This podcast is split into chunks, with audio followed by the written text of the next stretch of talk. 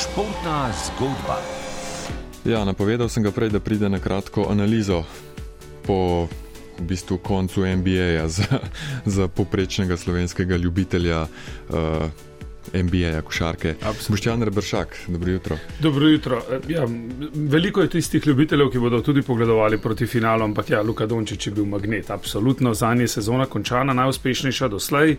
Um, edino merljivo pravzaprav v Ligi NBA je končnica, eh, čeprav zelo dolgo traja sezona in so pomembne tudi zmage za uvrstitev in razporeditev v končnici, ampak košarkari na koncu merijo uspešnost sezone po končnici in za Luko je to najuspešnejša, dva karaka, da več je naredil naredil Dallas kot uh, doslej, in to je nekakšna uteha, ob tem, ko izpadeš, pa nikoli ni lahko, in na koncu je tako samo eno moštvo uh, navdušeno in veselo ob koncu sezone. Ja, pa kar pozabimo, ne, proti komu so izpadli, proti mislim, da najdražji, daleč najdražji ekipi, ki plačuje ta um, davek na preveč porabljenega denarja. Ne vem, kako se mu sploh reče po slovensko. Jaz sem ga nekako prevedel eh, davek za razsipnost.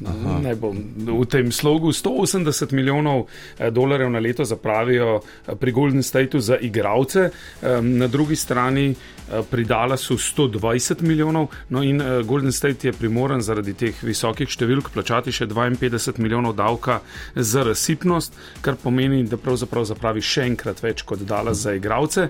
Posledično pa si lahko privošči bolj stari igravce, igravce, ki igrajo pomembne vloge že vrsto let v košarkarski ligi NBA. In ena od primerjav v tem tednu, ki sem jo zasledil tudi na družabnih mrežjih, je tista, da pravzaprav Luka Dončić igral z igravci, ki so bili izbrani na naboru ali v drugem krogu ali pa sploh ne.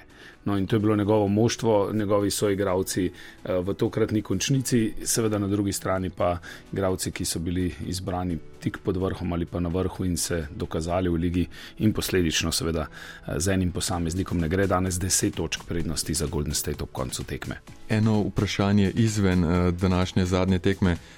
Luka je pred mislim, da včerajšnji postal uh, tretji zapored All-NBA igralec uh, prve peterke.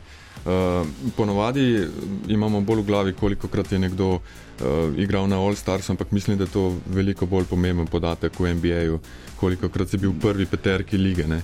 Ja, jaz mislim, da je za igralce na koncu pomembno samo, koliko prstanov imaš. Vse Aha. ostalo uh, je v bistvu tisto, nad čimer se navdušujemo mi, nad čimer se navdušujejo ne samo novinari, tudi gledalci, marketinške poteze MBA. Pravzaprav mislim, da od začetka maja vsak teden so razglasili neko nagrado do konca uh, sezone. In seveda, ja, to je tisto mamljivo, privlačno, nekaj za debato. Če pa vprašamo igralce, pa mislim, da si štejejo samo prstane in tistih, ki ga nimajo, pa jih še kako peče, tudi če bo večkrat v prvi peterki lige MBA. Ja, podatki za umes, za zapolniti uh, tisti dan med tekmami. Um, prihodnja sezona?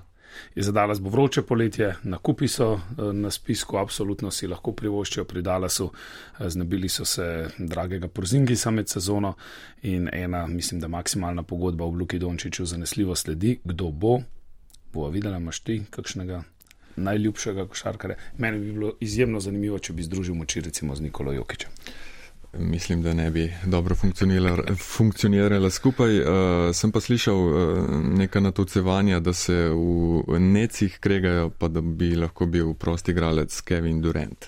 Tudi zanimivo. Ne bi bilo slabo. Absolutno. Š za še korak dlje v naslednji sezoni. Vsekakor. Hvala, Boštjan.